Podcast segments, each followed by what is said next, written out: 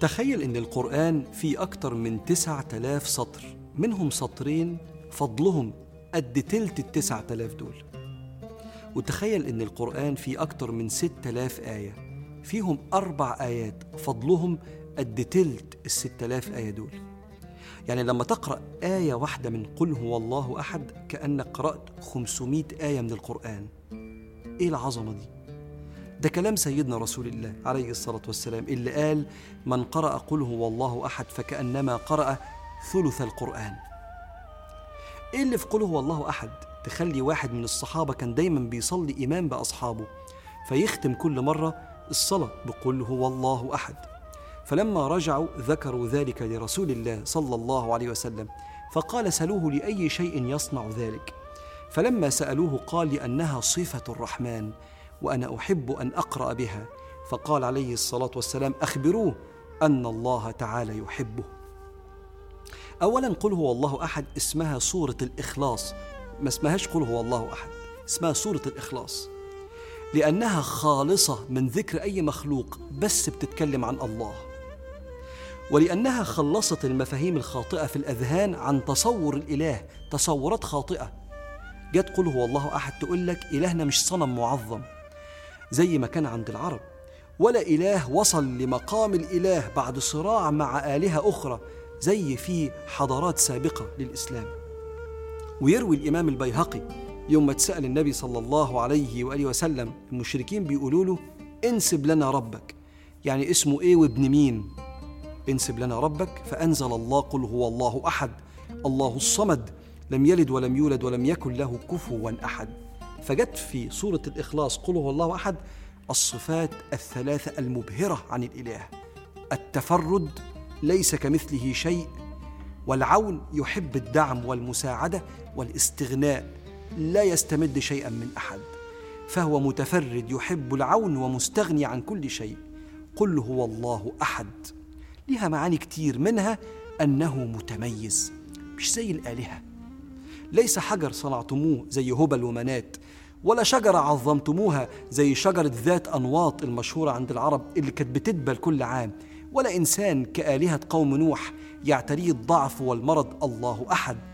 كرم عطاؤه ليس كعطاء أحد فهو متفرد. وسع عفوه بحيث يشمل عظام الذنوب ليس كعفو أحد. سبحانه وتعالى متفرد متميز. الصفة الثانية يحب الدعم الله الصمد. والصمد يعني السيد الذي يلجأ الناس له في الشدائد والحوائج. لما هرب سيدنا معاوية بن أبي سفيان في فتح مكة قبل ما يسلم وطلع وركب البحر وكانوا وقتها كلهم مشركين. ومشيوا شوية وقامت عاصفة فإذا بربان السفينة وكان مشرك قال أيها الناس اعلموا أنه لن تنفعكم آلهتكم ها هنا فالجأوا لرب السماء. فأم قايل سيدنا معاوية لئن لم ينجني في البحر إلا رب السماء فلن ينجني في البر إلا هو. ورجع وأسلم مع سيدنا محمد. الله الذي يلجأ إليه في الشدائد وعطاؤه فوق كل الشدائد. سيدنا ابن عباس بيقول الصمد الباقي الذي يلجأ إليه على الدوام. فربك أحد متفرد متميز ليس كمثله شيء. ربك يحب الدعم والمساعدة. الله الصمد.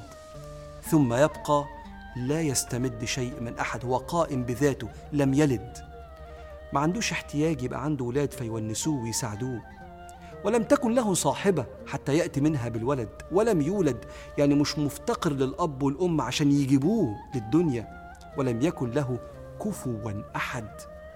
يعني إيه كفوا؟ يعني حد يكافئه.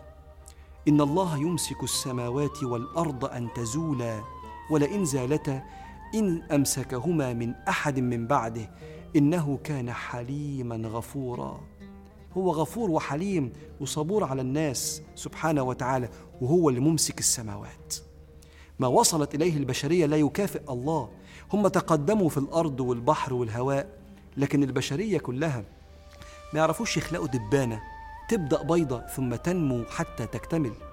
البشرية كلها ما يعرفوش يزودوا لحظة في حياة إنسان قضى الله عليه بالموت.